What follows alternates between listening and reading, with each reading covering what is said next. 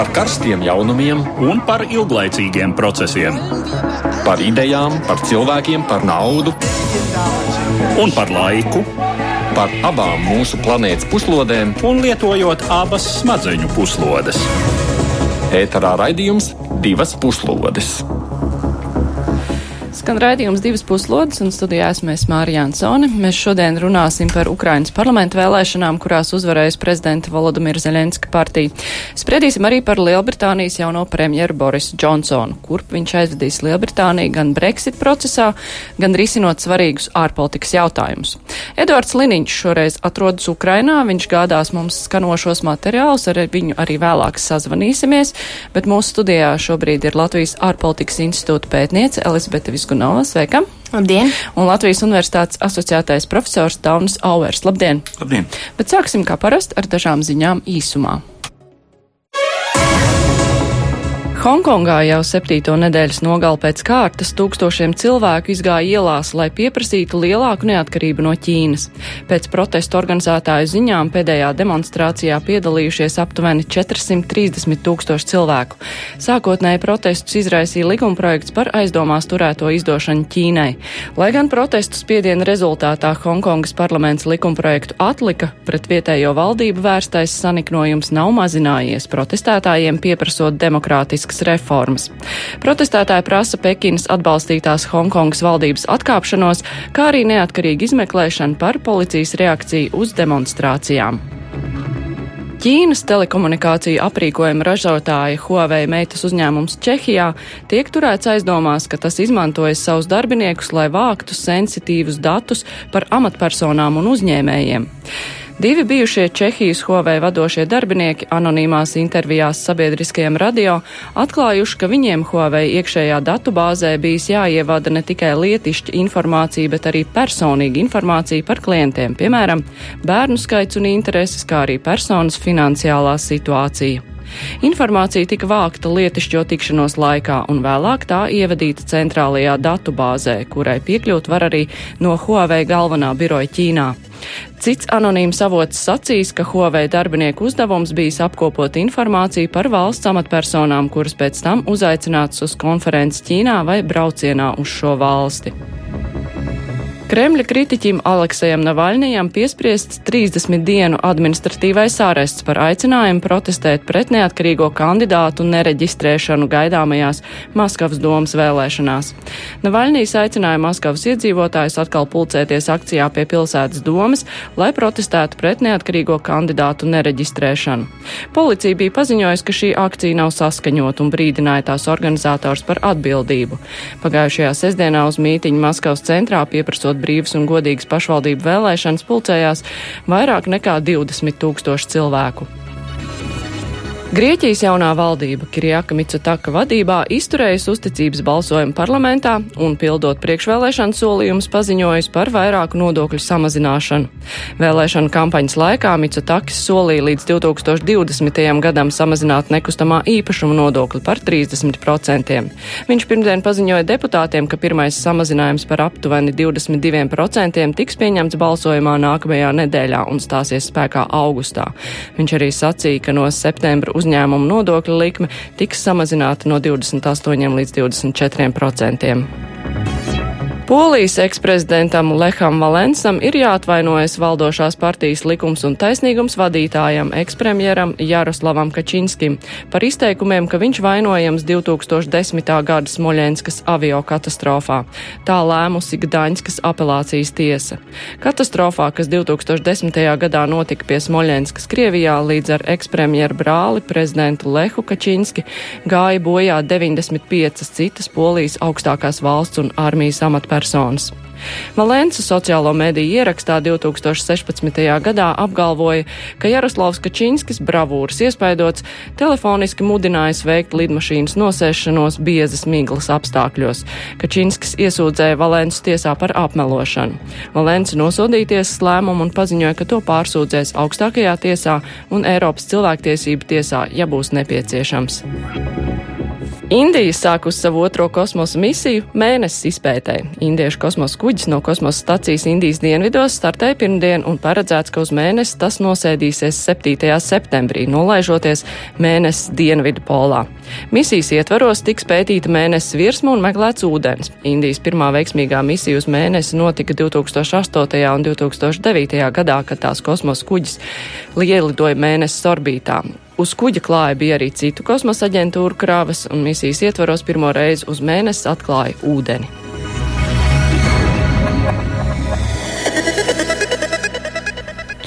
Bet tagad turpinām ar šīs dienas lielo tematu, un tās ir vēlēšanas Ukrainā.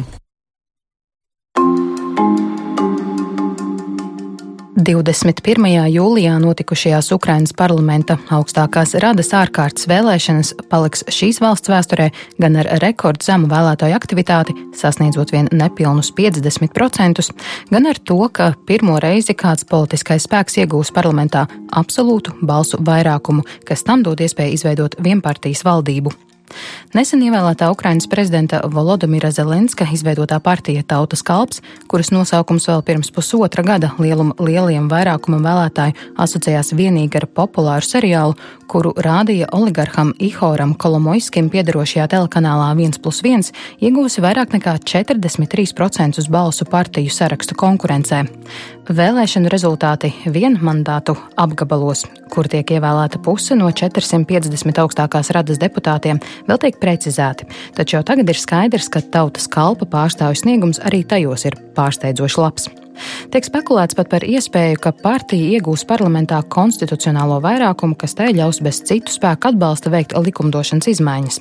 Šis tauta kalpa triumfs ir turpinājums partijas līdera prezidenta vēlēšanu kampaņai, un tā rezultātā tikuši marginalizēti visi līdz šim Ukrainas politiskajā spektrā dominējošie spēki. Kāds ir šo visaptverošo pārmaiņu iemesls? Ieklausīsimies Ukrainas politisko procesu vērotāju viedokļos. Vispirms bijušais kara fotogrāfs un arī Latvijā pazīstams rakstnieks Sergejs Loiko. Им обещали конец войне. Viņiem solīja izbeigt karu. Karš iesaldētā veidā turpinās. Ko iesākt ar okupētajām teritorijām, neviens nezina. Porošenko piedāvāja ļaudīm Tomasa Ukrainas pareizticīgās baznīcas pašnoteikšanās ideju. Bet kas gan ir baznīca mūsdienu pareizticīgajā pasaulē? Tā ir vectētiņu un vecmāmiņu pasaule, kas aiziet pagātnē. Nevienu šai valstī baznīcas neatkarības ideja neiedvesmoja. Jā, Porošenko panāca bezvīzu režīmu ar Eiropas Savienību, bet kas gan ir bezvīzu režīms trūkumā nonākušajiem ļaudīm? Nekādu īpašu kara varoņdarbu nebija, ja neskaita Doņetskas lidostas aizstāvēšanu. Tā gan arī beidzās ar sakāvi, taču apvienoja nāciju un deva signālu Kremlim, ka ja tas turpinās virzīties dziļāk Ukrainas teritorijā, tad tālāk katrā kilometrā to gaidīs zaudējumi, kurus tas nevar atļauties. Militārā ziņā Ukrainas armija var attīstīties tik tālu, cik to var padarīt par labāko armiju Eiropā, taču tikai ar jauna Krievijas uzbrukuma perspektīvu. Ukrainas armija nekad nespēs uzvarēt Krieviju un militārā ceļā atgūt savas austrumu teritorijas, vēl jo vairāk Krimu. Un Porošenko militārie sasniegumi uz joprojām ritošā ierakumu karafona, kas turpina laupīt cilvēku dzīvības, arī neiedvesmo iedzīvotājus. Porošenko un viņa cilvēki kādā brīdī zaudēja izjūtu par patiesībā notiekošo. Līdz pat pēdējiem brīdim viņi turpināja uzskatīt, ka karš ir galvenais, kas Ukrainā notiek ka viņi aizstāv Ukrainu pret Krieviju. Taču karš šodien Ukraiņiem ir galvenais tikai tajā ziņā, ka viņi vēlas kādu, kurš šo karu izbeigs.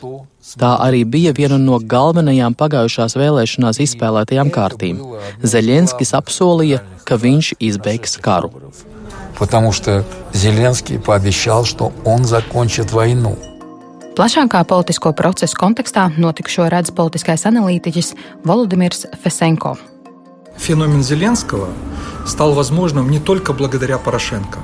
Zelenska fenomens kļuva iespējams ne tikai pateicoties Porošenko. Jā, vilšanās Porošenko un politiķos, kuri nāca pie varas 2014. gadā, ir.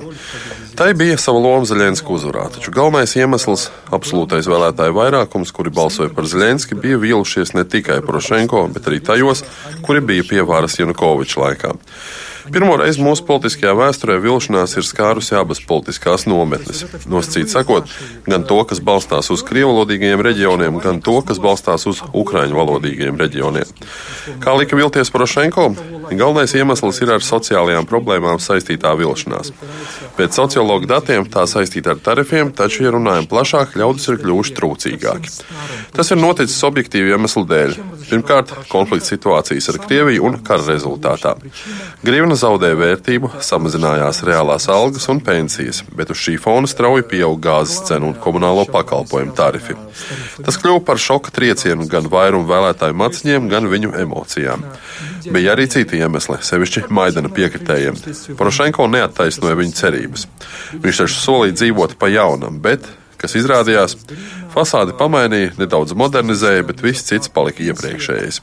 Viņš lietoja vecās prakses, ielaidās dažādos nepieņemamos kompromisos, amatos palika daudzi vecie tiesneši, daudzi ierēģi, neskatoties uz lustrāciju. Un vēl viens konkrēts iemesls. Porošenko taču ir liela mēroga uzņēmējs, viens no oligarhiem. Tas, ka viņš nešķīrās no paša biznesa, kļuva par vēl vienu aizskaitinājumu iemeslu. Mēs, plašas vēlētāju masas, kļuvām nabadzīgāki, bet viņš joprojām ir bagāts. Беднее широкой массы избирателей, а он остался богатым.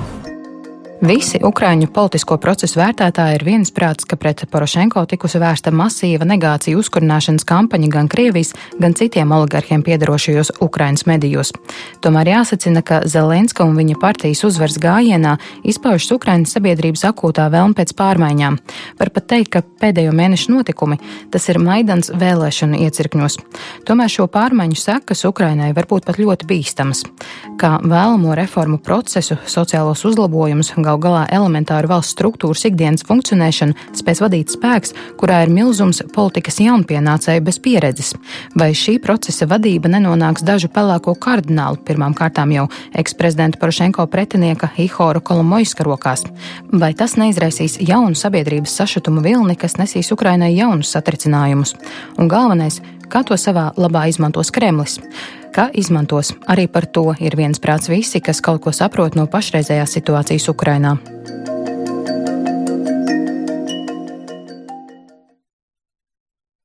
Jā, sāksim ar uh, uzvarējušo partiju. Kas īsti ir šī partija? Cik tā ir stabila? Kas tur ir pa cilvēkiem, kas ir šajā partijā, kuriem tagad būs iespēja veidot valdību? Varbūt pat vieniem pašiem. Nu, atbildi vienkārši. Um, mēs nezinām. Um, situācija līdzīga kā bija ar uh, KPV pirms gada apmēram, um, kad tur partija tiek uh, izveidota ļoti strauji, piesakās visādi cilvēki. Lozungs uh, pa lielam ir tas, ka viss ir slikti, mēs gribam kaut ko labāku. Bet uh, nav skaidra vīzija par to, kā panākt to labo. Nu, nav skaidrs, vai tā partija ir vairāk kreisi noskaņota, vai vairāk labēji, vai liberāla, vai konservatīva. Uh, um, ir tāda īsta zivju zupa, un rezultātā mēs nezinām, uh, kādu politiku īstenos. Visticamāk, uh, būs ļoti grūti īstenot politiku, jo būs liela ideiskā un ideoloģiskā daudzveidība partijas iekšienē, un ir, nu, ir grūti ticēt, ka um, šī būs tā partija, kas spēs kaut ko ļoti mainīt Ukraiņas politikā, ekonomikā un, un sabiedrībā. Bet tieši tas ir tas, ko Ukraiņu vēlētāji grib. Viņi grib, lai karš beidzas, viņi grib, lai dzīve kļūst labāka, vai šī partija to vispār spēja nodrošināt? Nu, ir, to pilnīgi noteikti šajā brīdī ir grūti pateikt un, un atliek minēt, bet um, attiecībā uz Ukraiņu vēlētājiem um, pirmo reizi kopš 90. gadu sākuma liela daļa Ukraiņas sabiedrības ir ļoti optimistiski noskaņot un pastoties statistikas datus, piemēram, um, tur ir. Uh, 70% kas uzskata, ka Ukrainā dzīves līmenis tagad ies uz augšu, salīdzinājumā ar tur, teiksim, 18. gada noslēguma datiem, tie bija kaut kādi 41% no iedzīvotājiem, kas uzskaitīja, ka lietas iet uz pareizo virzienu Ukrainā. Līdz ar to, nu, tas, ko Zelenskis droši vien ir izdarījis, viņš ar to savu 100% atpazīstamību, ko viņam nodrošina viņa karjera uh, ēterā. Um, ir devis cilvēkiem cerību, ka viss varētu uh, nokārtoties, un Ukrainā patiešām lietas varētu iet uz labo pusi. Bet uz ko balstās šī cerība? Uz ko balstās šī pārliecība, ka lietas tagad būs labākas? Nu, uz to tiešām uz to lielojas tā antiestablishmenta platforma, ko Zelenskis iz, izmantoja, kā jau kolēģis minēja, ka viss ir slikti. Uh, lielā mērā tiešām abas, uh, teiksim, gan krieviski runājošā, gan ukrainiski runājošā, gan austrumu, gan rietumu daļa, mēs skatāmies vēlēšanu kartē, pirmo reizi Ukraina nav sašķelta. Manuprāt, kopš 96. gada vēlēšanām nav, nav sašķelta tiešām. Un tas tikai parāda, ka patiešām viņam ir izdevies apvienot sabiedrību, apvienot uz tās nots, ka beidzot mēs iesim pret visiem tiem sliktajiem. Un, teiksim, viņš arī izmantoja ļoti smagu to pretkorupcijas platformu, ņemot vērā, protams, kā viena trešdaļa aptuveni tautas kalpa ir, ir locekļu ir patiesībā Kolomoiskā asociētie, nav īsti skaidrs, protams, kā īsti tas piepildīsies nākotnē. Nu jā, jautājums, vai Ukrainas iedzīvotāji aptver, kas stāv aiz šīs partijas? Nu, visticamāk, ka nē. Um, jo atkal tā partija ir ļoti jauna, ļoti svaigi izcepta un, un nav skaidrs, kas sekos. Bet, ja runājam par to ekonomisko jautājumu, tad jūs minējat, ka nu, noskaņojums sabiedrībā ir, ir pozitīvs. Bet tas varētu arī ļoti ātri mainīties, jo ir maz ticams, kad, ekono, eh, kad Ukrainā notiks kaut kāds ekonomiskais uzrāviens. Jo ekonomiskam uzrāvienam ir vajadzīga ārvalstu investīcijas. Un šobrīd tā vide Ukrainā ir tik nestabila un nedroša, ka ārvalstu investori jau nelīdīs eh, šī valstī. Viņi gaida stabilitāti, un Ukraina šobrīd to nepiedāvā. Jā, mēs par Ukrainas iedzīvotāju noskaņojumu varam paprasīt Eduardam Liniņam. Mēs esam ar viņu sazvanījušies. Sveiks, Eduard, tu mūs dzirdi? Sveika! Jā, kādās noskaņās Ukrainas iedzīvotāji tad gāja uz vēlēšanām, vai bija jūtamas tās lielās cerības, vai tagad ir jūtamas lielās cerības, ka nu tikai viss mainīsies? Nu, man jāsaka, man neizdevās ne ar vienu Ukrainas iedzīvotāju parunāties pirms vēlēšanām, vēlēšana dienā. Uh, un uh, šobrīd nu, man jāsaka, arī es esmu varbūt drusku tādā uh, informācijas, vai, vai precīzāk tādā sociālajā burbulī, kur dominē tomēr politologi, žurnālisti, uh, politikas vērotāji. Uh, šeit noskaņas ir drīzāk riskus un, un bāžas fiksējošas. Jā, diemžēl Edvards atkal pārtrūka. Es baidos, ka tā varētu notikt arī turpmāk. Nu jā, jautājums eh, šī te atšķirība var būt eh, tajā, ka šie politologi un pētnieki saskata līdzību ar eh, to mūsu partiju KPVL, vai nu kā mēs to salīdzinām. Savukārt iedzīvotāji pagaidām vēl dzīvo lielās cerībās, ka tagad viss mainīsies. Bet, nu, ja mēs runājam par tām lielajām lietām, kas ir jāizdara, kara beigas, nu, tas nozīmē attiecības ar Krieviju, kā tiek kārtotas? Nu, nav skaidrs, kā viņas tiks kārtotas. Teiksim, arī atkal pārstoties kaut kādiem sabiedriskajām aptājām, tur eh, viena ceturdaļa no sabiedrības nav pārliecināti par to, kā šo konfliktu vajadzētu risināt, bet uh, gandrīz 45% principā saka, ka nekādā gadījumā nebūtu gatavi atdot uh, Krimu uh, Krievijai un nekādas koncesijas veikt, lai pārtrauktu kārdarbību. Līdz ar to jautājums, kā šis solījums mēs pārtrauksim kārdarbību, tiks izpildīts, ņemot vērā patiešām to, ka Ukrainas armija nekādā veidā nav spējīga šo te teritoriju atkarot, tas ir gandrīz vai šajā brīdī tāda um, pilnīgi nu, fantasmergoni iedomāties kaut ko tādu, tad uh, šajā situācijā es nedomāju, ka uh, tas ir reāls scenārijs par citiem lielajiem darbiem runājot. Um, Visticamāk, jārunā par likuma varas reformu, par ģenerāla prokuratūras reformu, kas ir iesākta, un par reālu starptautiskā valūtas fonda līdzekļu izmantošanu, protams, ja nākamais tranšs tiks piešķirts. Um, tas būtu tie galvenie uzdevumi, bet, nu, tad atkal vēl viens jautājums, kas ir jāuzdod, vai tagad ir laiks eksperimentēt tik kritiskā brīdī Ukrainai un patiešām mācīties, kā pārvaldīt valsti, kā lielai daļai no jaunās, jaunā parlamenta to nāksies darīt.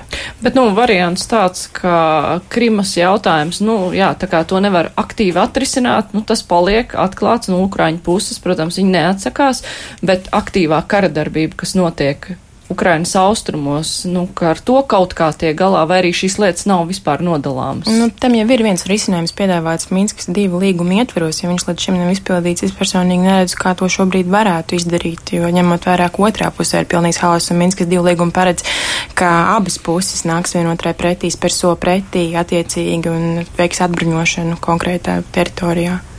Bet kā Krievijai vispār šīs vēlēšanas varētu patikt? Nu, es domāju, droši vien nepatīk uh, visai daudz, jo tas nozīmē, ka vara ir koncentrēta viena cilvēka rokās, un, un šeit tiešām vara būs koncentrēta prezidenta rokās, jo viņš ir uh, simbols uh, partijai. Viņš faktiski vienīgais vienošais, vienojošais faktors šai partijai, kur ir visādi nu, ļoti atšķirīgi uh, domājoši cilvēki. Uh, Um, un viņš var tīri brīvi, teiksim, nākamos mēnešos viņš var tīri brīvi rīkoties visādos jautājumos, piemēram, par ģenerālu prokuroru. Um, viņš ir izteicis neusticību ģenerāla prokuroram, bet nav vēl pateicis, vismaz man liekas, ka vēl nav paziņojis, nu, kuru tad viņš gribētu redzēt šeit uh, ģenerāla prokurora vietā. Un viņš pats visticamāk vienpersonīgi var pieņemt šo un arī citus uh, lēmumus. Tā, bet, vai, bet vai citi to pieļaus? Jo viena lieta ir politiskā vara, jā, koncentrēta, bet uh, mēs jau zinām, ka realitātē nu, tā nav, ka politika nosaka visu. Nu, īstermiņā jā, viņš varēs īstermiņā, viņam būs iespēja pieņemt lēmumus, ka parlaments sanāk kopā, kad viņam tur ir pietiekami liels tas vairākums, bet, protams, pēc kāda laiciņa tā partija sāks sabrukt, sāks parādīties kaut kādi uh, vairāk neatkarīgi domājoši partiju biedri. Uh, tas viss, nu, visticamāk, sadrumstalosies nākamos gados, bet viņam būs iespēja, nu, tās simboliskās pirmās simts dienas pēc tā, kad parlaments atkal sanāk kopā, nu, viņam būs iespēja kaut ko īstenot. Jā, bet es, es varbūt simtprocentīgi, teiksim, vai arī varbūt es papildināšu to ar tādu piezīmi, ka, manuprāt, ļoti veiksmīgi Krievijai ir izdevies izmantot gan Ukrainas veiksmes, gan neveiksmes. Tas nav tik ļoti atkarīgs no tā politiķa, kas tur ir vietā, skatoties Porošenko prezidentūru. Reāli tika veikt kaut, kaut kādas reformas, tika veikts. Ukrainai bija tur 18. gadā 6 miljārdi, kas ienesās no korupcijas, pretkorupcijas reformām. Reāli tika apkarot vai, teiksim, veikt kaut kādu diezgan diezgan nozīmīgi darbi sagatavē arī uz asociācijas līgumu noslēgšanu ar Eiropas Savienību attiecīgi un tā no, noteikumu izpildīšanu. Un e, Krievijai ļoti veiksmīgi izdevās to izmantot pret Porošenko. E, Bez mazliet parādot, ka Porošenko laiks patiesībā korupcijas ziņā bija krietni sliktāks nekā iepriekšējais Junkovičs laiks, kas pilnīgi nav taisnība. Un, e, līdz ar to nu, es teiktu, ka vai, vai Krievijai nepatīk, es domāju, ka Krievijai varētu būt eh, arī bišķiņa vienalga. Viņas instrumenti ir jau vietā, un viņi viņus mācīs izmantot. Bet, ja mēs skatāmies nu, uz šo lielo varas koncentrāciju, kas ir uh, tagad Zelenska rokā, bet uh, ir arī citi oligarhi, kuri mm. varbūt negrib pieļaut to, ka viņš var rīkoties tik brīvi, cik liela būs pretestība no citiem sagaidām tā pretestība noteikti būs nozīmīga, bet atkal tā nebūs uzreiz, jo nu, nevar uzreiz rīkoties pret teiksim, tautas gribu. Um, ka tik daudz cilvēku ir balsojuši par partiju, bet tur paies laiciņš, tur sāks parādīties kaut kādi uh, korupcijas skandāli, kaut kāds kompromats uh, par, par vairākiem politiķiem, un tad parādīsies tāda lielāka neskaidrība politiskā sistēmā, tas arī ir tas moments, kad var nu, mēģināt uh, uh, uh, iegūt savējo. Jā, bet kā Eiropas Savienība uztver arī šo partiju par jauno prezidentu? Kā tur ir valda pilnīga uzticība par to, ka viņš darīs to, turpinās? Nu, ne, protams, ka vārdos viņš eh, turpina ceļu uz Eiropas Savienību, bet vai praksē visas tās darbības notiek vai? Nu, es domāju, ka no Eiropas Savienības puses noteikti ir uh, nu, mazliet raizējās par to, ka vara ir koncentrēta viena cilvēka rokās. Nu, mēs zinām no postkomunistu pieredzes gan Balkānos, gan Austrumēropā, arī uh, bijušā Padomu Savienības teritorijā, kad nu, pienāk tas moments, kad vara koncentrējās viena cilvēka rokās, tad visbiežāk nu, tas nebeidzās labi. Um, un tad es domāju, ka noteikti skatās uz šo situāciju tādu zināmām raizēm, jo mēs arī neko īsti nezinām uh, par šo prezidentu. Nu, gal galā viņš ir ieņēmis amatu tikai dažus mēnešus, viņš bija tīri nezināms, nu, kā politiskais uh, aktors uh, pirms tā. Tātad, nu, es domāju, ka Eiropas Savienība skatās ar zināmām raizēm. Jā, un es domāju, ka Ukraina vispār ir tā valsts, uz kuru, teiksim, ilgtermiņā jau, jau skatās ar zināmām raizēm, ņemot vērā to, ka atkal neatkarīgi no tā, kāds ir prezidents, nu, tautā ir zinām tendence uz anarhismu. Un vēl ņemot vērā to, ka tagad ir diezgan neprognozējams, es teiktu, politiķis pie varas, tā, tā, tas potenciāls uz nestabilitāti tajā valstī ir diezgan liels. Uh, Eh, līdz ar to jautājums par to, vai Ukraina turpinās būt Eiropas Savienības labais skolēns, es domāju, ka ir eh, at atklāts un atvērts. Un, protams, ka tur daudz var man apstrīdēt. Es gan uzskatu, ka no visām austrumu partnerības valstīm eh, Moldovai, Ukrainai un Gruzijai ir izdevies vislabāk izpildīt Eiropas Savienības prasības un izrādīt šo te vēlmi stāties Eiropas Savienībā. Bet, nu, protams, tad jautājums tagad ir, vai, vai Ukraina turpinās šo trajektoriju tikpat cītīgi un eh, ar tādiem pašiem vārtiem un tā, tādu pašu narratīvu kā iepriekš. Nu jā, vai iedzīvotāji, iedzīvotāji balsojot par Zeļensku un viņu partiju, vai viņi sagaida no, no viņa rīcību, lai Ukraina būtu šis labais Eiropas Savienības skolnieks, vai iedzīvotāji saskata saikni starp to, ka ir labāk dzīvot un eh, nu, pildīt Eiropas Savienības ieteikumus, ka tas nozīmētu ilgtermiņā arī labāk dzīvot. Nu, ņemot vērā to, ka Zelenskis un uh, Golos uh, konkurēja savā starpā, viņi būtībā dalīja šo te Eh, šo te mm, elektorātu, un abas no šīm partijām ir nu, savā ziņā, viņas ir eiropeiski noskaņotas, katrā ziņā neviena no viņām nav izteikusies antieiropeiski, un gols vispār ir pilnīgi noteikti eh, eiropeiski noskaņot liberālu eh, partiju. Tad, tad es domāju, ka jebkurā gadījumā Ukraiņi ir eiropeiski. Nu, protams, ne pilnībā, jo balso arī par opozīcijas bloku 15, 13 vai 15 procenti, ja nemaldos. Nu, tas parāda, ka tie ir tie cilvēki, kuriem patiešām tas miers ir svarīgāks par mieru Eiropā, bet uh, kopumā es domāju, tauta ir eiropeiski noskaņota. Un kāda loma būs partijām, kas arī ir ievēlētas, bet uh, izskatās, ka valdība neveidos, jo vienīgā, kas uh, šī te partija balss tika minēta kā iespējams Zeļenskas sabiedrotie, un mm -hmm. kas mhm. notiks ar pārējiem, ar Timošenko partiju, Porošenko partiju? Nu, nu. vienu, jā. Nu, šobrīd sēdēs opozīcijā, kas arī, protams, ir visai cienījams uh, amats jebkurā demokrātiskā sistēmā. Uh, bet es domāju, ka viņi arī gaidīs brīdi, uh, kad sabruks uh, šīs jaunās partijas, kas ir, manuprāt, pilnīgi neizbēgami. Um, un tad arī būs iespēja viņiem kaut kā sākt draudzēties ar prezidentu un varbūt skatīties uz um, uh, kaut kādu koalīciju. Viņi cīnīsies katrs par savu vietu pēc tam jaunajā pasaulē, pēc uh, tautas balss sabrukuma, vai kopā varētu to darīt? Es domāju, katrs pa sevi. Hmm. Nu, nav, nav īsti loģiski viņiem sadarboties, lai, lai kopīgi nāktu pie varas. Uh, drīzāk uh, es varu iedomāties, ka pēc diviem, trim gadiem tā politiskā vide uh, Eh, likumdevējā Ukrainā būs ļoti, ļoti sadrumstalota, un tad būs iespēja tam stiprākām partijām, nu, kā tas ir noticis vēsturiski arī Latvijā, kad zaļie zemnieki, kas ir ļoti stipra partija, iekšēji saliedēta, eh, bieži nāk pie varas, jo citas partijas ir ļoti, ļoti vājas. Un es domāju, ka mēs varam sagaidīt līdzīgu scenāriju arī Ukrainā. Divi, trīs gadi tika minēti, tas ir tas laiks, eh, taču parasti jau ātrāk parāda partija savas vājās vietas kad varētu parādīties pirmās kaut kādas krīzes un pie, pie kādu jautājumu lemšanas var parādīties pirmās plaisas partijām?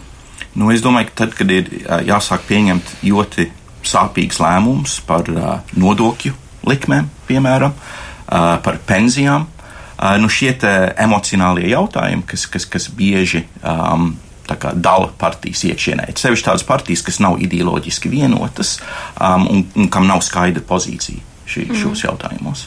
Jo es nevarētu teikt, ka eh, teiksim, šajā tautas kalpā nav ideoloģiski noskaņot spēcīgi cilvēki. Ir. Tur ir jaunie reformatori, kas tāpat kā pēc Maidana ienāca arī tagad jauni politikā un ļoti daudz enerģisku cilvēku, bet tā ir tikai kāda viena trešdaļa no viņiem. Un tad pārējie ir, tur, teiksim, tādi zelen, cie, cieši Zelenska atbalstītāji, un tad tie pārējie ir um, vairāk ar oligarhiem saistīti, ar, ar oligarhiju saistīti individi, bet uh, es domāju, ka tieši tāpēc uh, arī šīs plaisas varētu parādīties, šīs ideoloģiskās plaisas varētu izrietēt no tā, ka daļa partijas patiesībā ir pietiekami, um, teiksim, um, noskaņota uz patiesām reformām un patiesām pārmaiņām.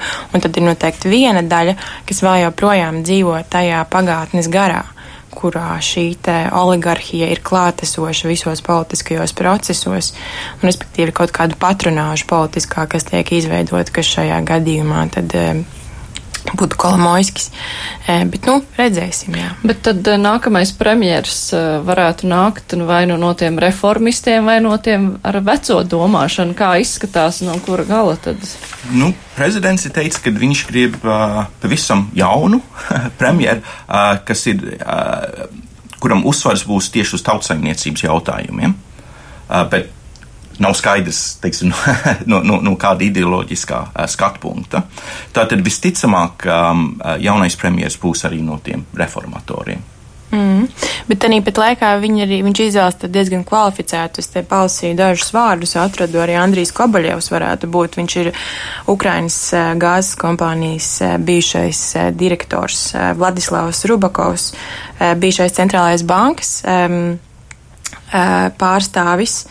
Um, un vēl viens individs, kas ir bijušais uh, finanšu ministrs, kam es diemžēl nevarēšu atcerēties vārdu, bet uh, šie tad ir tie trīs personāži, kur vārdi jau ir izskanējuši, attiecīgi kvalificēti cilvēki, um, kas patiesībā ir kaut kādā ziņā, nu, tas ir tas piedāvājums, kā Zaļēns, ka viņš grib to savu kvalificēto komandu izveidot, jā, un tad, uh, teiksim, tas ir tas viņa sākums.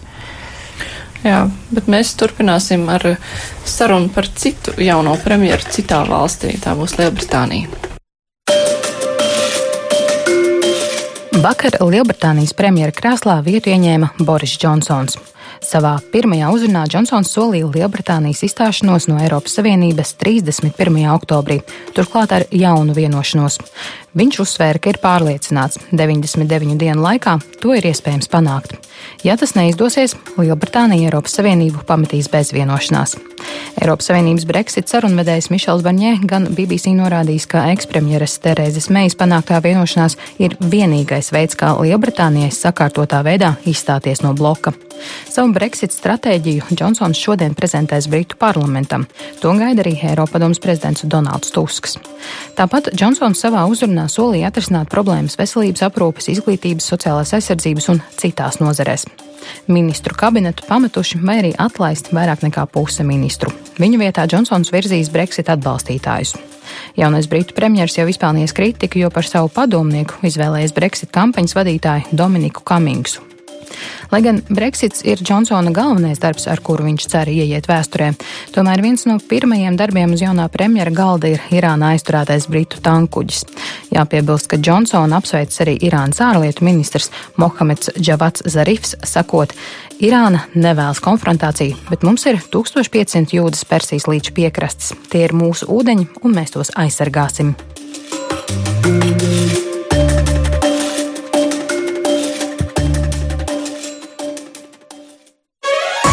Divas puslodes.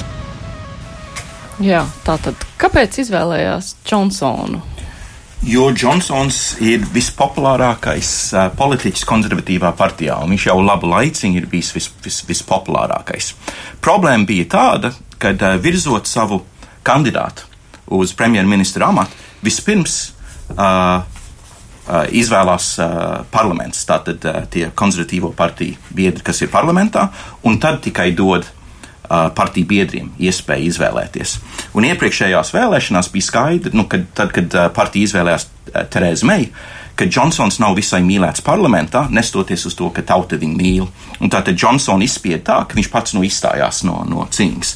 Šoreiz um, ir tāds strupceļš Britu politikā, kad parlamentāriešiem vairāk nebija īsti leģitimitāte um, nedod Džonsonam iespēju um, nu, būt, būt, būt kandidāts, uh, par ko uh, biedri balso. Tātad šoreiz arī uh, partijas uh, deputāti parlamentā nobalsoja lielu urā par Džonsonu, un tad divi trešdaļi uh, partijas biedri arī atbalstīja Džonsonu. Tātad viņš ir ļoti populārs starp konservatīvo partiju biedriem, Un plašākā sabiedrībā viņš arī ir populārs, jo viņam ir um, tāds ļoti attraktīvs runāšanas stils, uh, uzvedības stils. Uh, viņš savu laiku ir. Um, uzstājies visādās uh, televīzijas uh, programmās, Lielbritānijā, gan radio, gan televīzijā, tur komēdiju programmās un tā tālāk. Un viņš ļoti atpazīstams un viņam ir tāds tāds uh, labvēlība, labvēlīga onkuļa. Nu jā, es tieši gribēju vaicāt, tas viņa tā neparastā uzvedība, tas ir kaut kas tāds tradicionāls Britiem. Man liekas, ka tieši otrādi viņiem ir tādi diezgan augsti vēsi, un tad Džonsons ar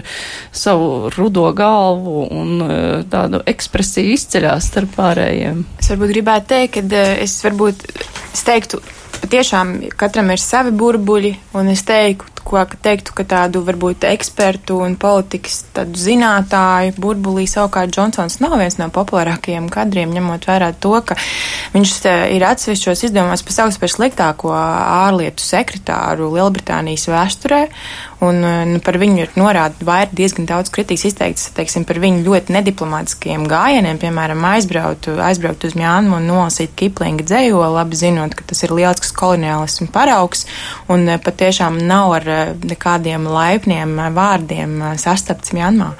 Līdz ar to es teiktu, ka viņa popularitāte nav tik viennozīmīga. Ir viena daļa, protams, kas viņu cieši atbalsta, un, teiksim, plašākā sabiedrībā, protams, ka tāda, tāda, tāda, tā teikt, tāda bezplāna politika šobrīd ir ļoti populāra vairāk runāšanas un mazāk tādas reāls eh, politisko plānu un tās sausā, kas tad arī ir, ir visa pamatā, bet ir viena daļa tādas eh, sabiedrības, kas viņu sevišķi nemīl. Bet, eh, nu, šajā gadījumā bija svarīgi, ka viņa partijas biedri viņu Protams. ir izvēlējušies un kas viņiem viņā patīk, tā viņas tās viņa provokācijas, ko viņš. Um, viņiem patīk tas, ka viņš runā pirmkārt ļoti attraktīvi, viņš runā ļoti tieši. Viņš kā klasiskais populists piedāvā vienkārši risinājums ļoti sarežģītām problēmām. Um, un uh, viņš sola īstenot Brexitu 31. oktobrī. Un tas ir tas, ko konservatīvo partiju biedri un apmēram puse no Lielbritānijas vēlētājiem arī grib redzēt. Bet tajā pašā laikā, nu jā, tas, ko es šeit dzirdēju, klasiskais populists no vienas puses Britu konservatīvā partija, nu, nesaistītos ar populistiem. Un nu, tajā pašā laikā tagad ir premjers, eh, kuru redz, var nosaukt par klasisko populistu. Nu, protams, vēsturiski eh, Amerikas Republikāņu partija arī īsti nesaistījās ar populistiem, bet eh, viennozīmīgi viņu prezidents arī ir populists. Tātad mm. nu, šobrīd vienkārši mainās politika starptautiskā līmenī. Jau pēdējos 15, 20 gadus mēs manām to, ka uh, cilvēki vairāk neusticās vecām politiskām partijām, neusticās tradicionāliem politiķiem. Vēlētāji gan no, no kreisā spārna, gan no labā spārna meklē jaunas alternatīvas, Un tad ir divi risinājumi. Viens ir, kad partija mainās un parādās jauni līderi, kā Džonsons Lielbritānijā vai uh, Trumps uh, Amerikā, vai arī tiek veidot jauni politiskie spēki, kas spēj savilkt kopā šos labos un kreisos spārnus un veidot to, ko mūsdienās sauc par kā, radikāli labējo populistisko politiku. Bet, ja mēs paskatāmies, nu viena lieta ir, ja kādā mazā valstī nāk pie varas kāds klasiskais populists, cita lieta, ja nu, tādi spēlētāji ASV jau tas ir noticis, tagad Lielbritānija, kas būs, ja vēl, nezinu, Vācija, Francija. Itālija, tāpat Ukraina, tās visas ir diezgan lielas valstis, teiksim, protams, kad Ukraina un Itālija nevar salīdzināt šo valstu, teiksim, izmērus, jā, ne, nevienā no dimensijām, un tomēr, nu, es domāju, ka varbūt nav jāuztrauc akurāt tūlīt par Franciju un par Vāciju, es domāju, ka tur vēl tas elektorāts ir pietiekami nosvērts, un nesenās vēlēšanas pierādīja, ka elektorāts vēl joprojām tic tādiem demokrātijas ideāliem un saprātīgai politikai, bet, nu, nav nākotne rādīs. Bet, nu labi, Brexit. Džonsons ir gatavs Brexit, lai lūst vai plīst. Viņš arī ir gatavs izte, viņš ir pat izvirzījis ultimātu Briselē, paziņoja, ka Londona vēlas pārstrādāt šo vienošanos. Tas ir viņa spēkos. Brisele arī ir diezgan cieti nolēmusi, ka nekas netiks pārstrādāts. Protams, ka tagad ir eh, jauna komisija, bet eh, Nu, ir jauna ko komisija, bet būs, jā, uh, nu, ir faktiski tie paši politiķi pa lielam, kas būs tur komisijā. Nu, mēs redzam, ka no Latvijas Dombrovska kungs visticamāk būs atkal komisārs Ursula von der Leiden. Viņa jau ir arī vecās klases eh, politiķe. Tātad tur no, no komisijas puses man liekas, ka nekas īsti nav mainījies. Parlamentā varbūt tā kā maķinīt nedaudz kaut kas ir mainījies, bet uh, no komisijas puses nav. Bet tas, tas, kas ir interesanti, ka Džonsons ir pateicis atkal šodien, pirms dažām stundām uzstājoties Britu parlamentā, ka viennozīmīgi Lielbritānija atstās Eiropas Savienību 31. oktobrī. Ja bez vienošanās, tad bez vienošanās, bet visticamāk viņi gribētu kaut kādu jaunu dīlu. Bet viņš viennozīmīgi pateica, ka mēs iesim prom 31. oktobrī. Un viņam īsti nav kur atkāpties no tā. Jo, kad Terēza Meija pateica, ka mēs pēc diviem gadiem izstāsimies no, no, no Eiropas Savienības, tā kā no divu gadu fonu. Uh, tagad viņam ir tikai daži mēneši, un cilvēki neaizmirsīs to, ka viņš ir pateicis, ka 31. oktobrī ir jāpamet uh, Eiropas Savienība. Bet, ja Eiropas Savienība būs stingra un Lielbritānijā Džonsons arī būs stingrs. Mm. Nu, tādā gadījumā ir nekas cits neatliks, kā izstāties bez vienošanās, vai tur ir vēl kaut kāds variants? Nu, tas ir tas svarīgākais jautājums, manuprāt, kas šobrīd nodarbina visu prātu. Es domāju, ka Džonsona ievēlēšana viennozīmīgi palielina šo iespējamību, ka varētu būt no deal Brexit. Bet um, šķiet, ka panorāmā bija kāds brīta eksperts, es teikt neatceros viņu vārdu, bet tur bija variants, ka, jā, Džonsons ir nācis ar stingrajiem uzstādījumiem, bet redzēt, kā paralēls ar Zelenska partiju, ka ātri vien tas viņam viss sabruks un ka viņa valdība sabruks un ka beigās nāksies rīkot jaunas vēlēšanas un vēl vienu referendumu. Tāds variants tiek pieļauts. Nu, par to referendumu tas ir vismazāk ticams, um, jo nu, nevar rīkot atkārtots referendums par to pašu jautājumu, jo dažiem cilvēkiem nepatīk tas rezultāts. Ja rīkos referendumu uh, par referendumu, tad kāpēc nerīkot vēl vienu referendumu par referendumu par referendumu un tā tālāk. Tātad par to daudz runā cilvēki, kam nepatīk tas, ka Lielbritānija izstāsies, par to daudz arī runā mēdījos, bet realitātē par to maz runā parlamentā un valdībā. Nu, tas nav uzskatīts par tādu reālu risinājumu. Tas tiešām būtu tās izmisuma solis, um, ja rīkot vēl vienu referendumu. Bet uh, ārkārtas vēlēšanas, nu, tas ir ļoti um, iespējams, jo nu, gal galā Džonsonam nav savs mandāts.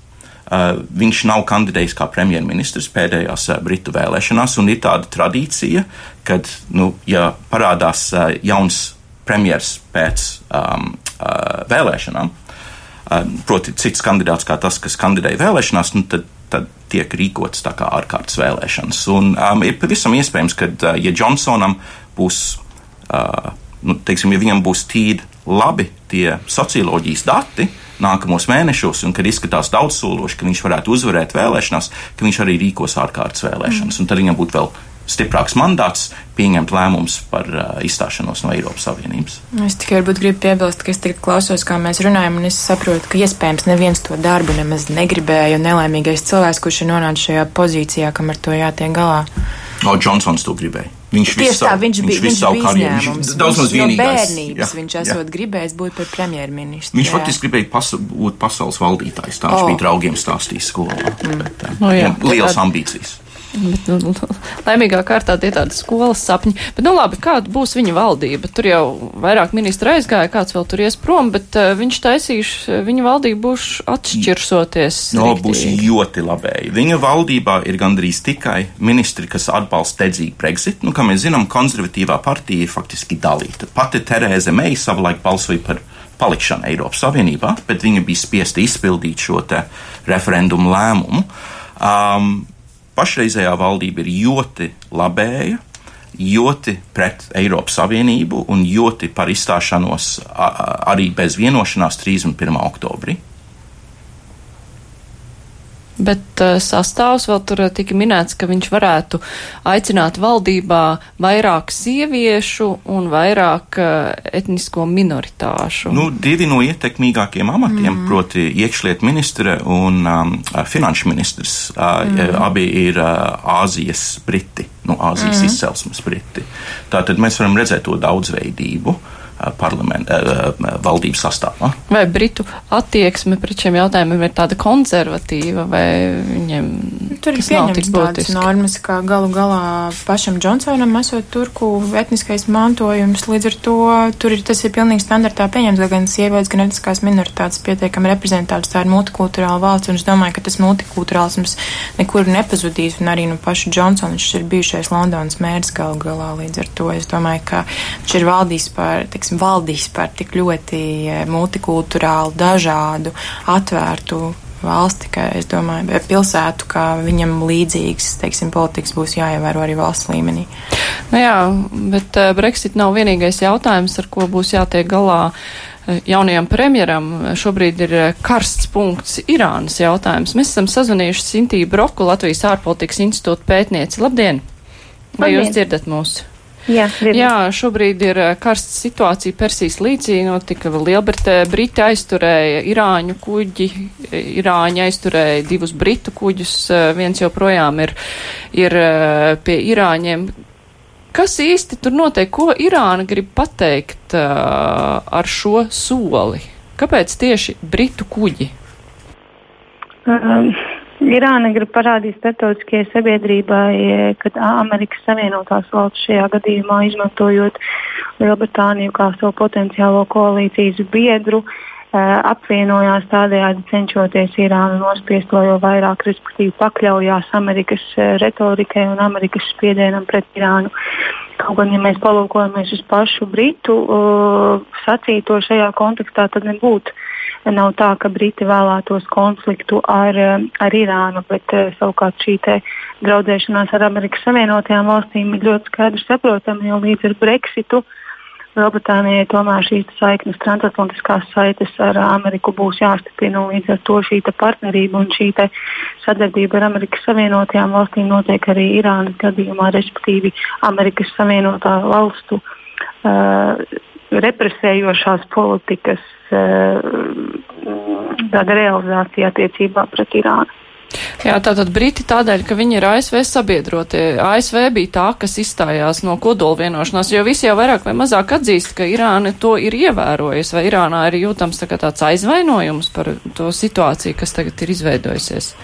Nu, tā, tā skatoties lielajos mediju virsrakstos un, un pasakot lietu situācijām, tā viņš šķiet no malas, ka Irāna šobrīd ir ir viena no retajām un mazajām, viena no teiksim, tā vienīgā valsts, kura patiesi vēlas saglabāt kodolvienošanos.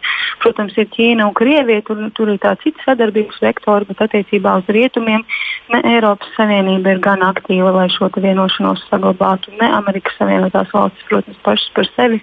Un līdz ar to arī Eiropas Savienības lielvaras, tostarp Lielbritānija, būtu varējuši būt aktīvāki. Un tagad, protams, Lielbritānija ir pietiekami daudz pārņemta ar saviem iekšējām uh, kaislībām, gan Brexita, gan arī uh, vēlēšanu kontekstā, kad, uh, kad tomēr šī te, uh, Irāna un kodola vienošanās ir palikusi kaut kur atvilknē. Protams, ka Irāna ir aizvainota, nu, cik var vilkt garumā. Nu, kad kaut kādā brīdī Eiropas Savienībai un tās dalībvalstīm tomēr būtu jāprotās un, un jāpild arī savi. savi nosacījumu, kas ir atrunāti kodolvienošanās līgumā. Nevis tikai jāpārmet Irānai, ka tā nepildīja, ja tā pārkāpj vienu vai otru punktu. Bet eh, vai Eiropas Savienība nu, neuztrauc? Eh, Irāna jau spēra divus soļus eh, urāna bagātināšanas jomā, vai arī vienkārši tas netiek uz, uztverts kā reāls drauds?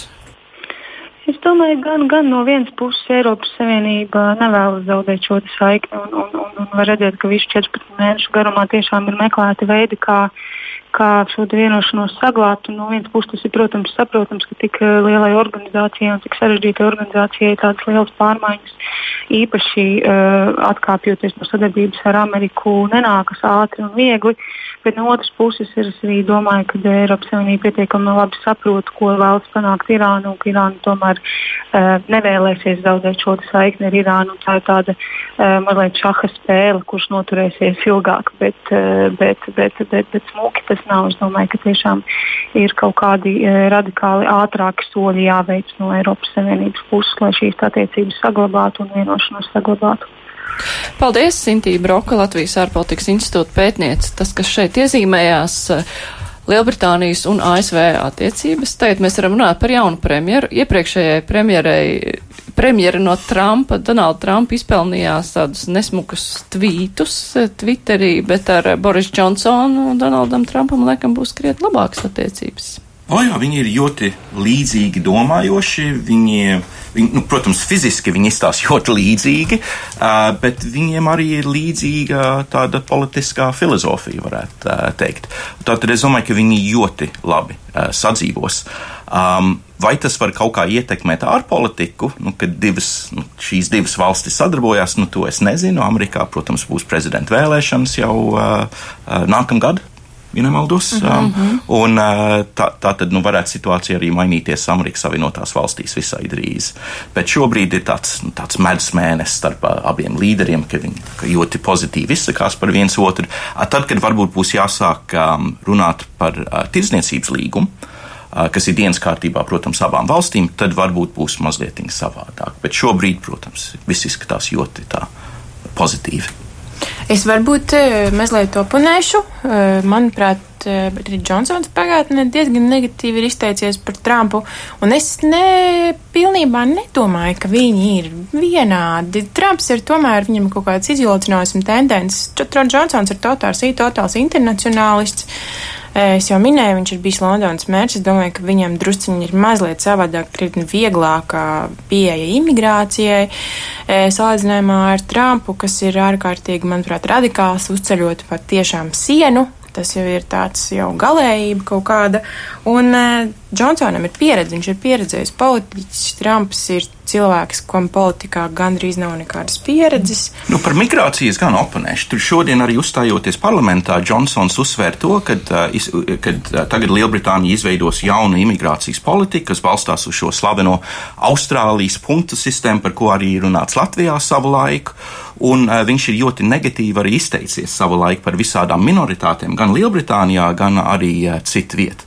Tātad, uh, manuprāt, viņiem ir ļoti līdzīga uh, runasveidi, ļoti līdzīga domāšana. Arī, ja lasam uh, grāmatas, kas ir izdotas Amerikā pēdējos divos gados, kur vairākās grāmatās tur ir atspoguļots tikšanās starp um, Johnsonu un uh, Eh, prezidentu Trumpu vai arī Džonsonu un prezidenta Trumpa cilvēkiem, tur ieskicējās tāda aina, ka tur visi ļoti labi mm. sadzīvojas, viņi runā līdzīgā valodā un ka viņiem ir līdzīgs pasaules skatījums. Es vēl gribu vēl vienu lietu tomēr pateikt. Man liekas, ka viņiem būs vienkārši jāveido citādāk politika, jo Džonsons nevar paļauties tikai uz savu bāzi. Viņš nevar paļauties tikai uz saviem konservatīviem, paļauties, jo viņš nekur netiks tajās vēlēšanās, tās, teiksim, būs jārīko. Trumps var atļauties paļauties tikai uz savu bāzi, un tieši tāpēc viņš var principā izolēt kaut kādus tur dziļi demokrātiskus skatījumus. Es īsti nesaprotu, kā uh, tur uh, liel, elektorālo bāzi. Bet Lielbritānijā var ievēlēt uh, premjeru, uh, balsojot tikai 30% no vēlētājiem par viņu, jo ir tāda vēlēšana sistēma. Um, es domāju, ka uh, Džonsonam absolūti nav svarīgi uzrunāt uh, citus vēlētājus no citām partijām. Viņam vienīgais uzdevums ir mobilizēt konservatīvi domājošs cilvēks Lielbritānijā, lai balso par viņu. Viņam ir pilnīgi vienalga par citām partijām. Nu, labi. Es pieņemšu jūsu atbildi. Jā, bet mums ir tikai pusotra minūte. Irānas jautājums, vai Džonsons uh, tagad vispār ķersies pie šīs lietas risināšanas? Tas kuģis tur joprojām atrodas. Nevar viņus apmainīt viens vienam, otrs otram. Manuprāt, Ruhānī jau nāca klajā šādu paziņojumu pāris stundas atpakaļ, ja nemaldos, ka, vai 11 stundas atpakaļ, ka varētu būt iespējams šo kuģu apmaiņa. Bet, eh, jā, no Irānas puses, jā, ka bija tāds piedāvājums, bet vai Briti tam piekritīs, jo principā parasti tas netiek pieņemts kā risinājums. Um, mums tagad ir jauns premjers, Um, ārlietu ministrs ir uh, cilvēks, kas faktiski runās vienīgi un tikai par Eiropas Savienības jautājumiem, jo viņš ir viens no pašdedzīgākiem Brexit atbalstītājiem. Tad es domāju, ka šobrīd nav nemazam skaidrs tas, kā politiskā līmenī Briti rēģēs, bet tas, kas notiek visbiežāk, kad politiskā līmenī tāda neskaidrība ir, kad ierēdniecība un šī gadījumā diplomātija iedarbojās. Tātad es pieņemu, ka Briti diplomāti ļoti cītīgi strādā pie šī jautājuma un kad uh, mm. varētu arī būt tāds tīrs, tāds, nu, kompromisi ir, ir iespējami. Jā, pusminūtē jau var noskaidrot kaut kādas vēl ārpolitikas prioritātes, kas tagad varētu būt Džonsonam. Brexit, Brexit un Brexit. Tas Kā? ir vienīgais aktuālais jautājums jā, Lielbritānijā. Ja mēs pat skatāmies, kā mēdījos tiek atspoguļots šis gadījums ar to kuģi Irānā, man šķiet, ka Latvijā vairāk rakstīja par to vienu latvieti, kas atradās tur uz kuģa, kā britu mēdīja rakstīja par šo gadījumu. Jo tas Brexit jautājums ir, ir tas dominējošais šobrīd. Vismaz turpmākās 99 dienas. Es saku paldies mūsu studijā. Šodien bija Latvijas ārpolitikas institūta pētniece Elisabeta Viskunova un Latvijas universitātes asociētais profesors Daunis Sauvers. Arī es, Mārija Ansona, raidījuma producēja Ievzējas. Vislabāk! Divas puslodes!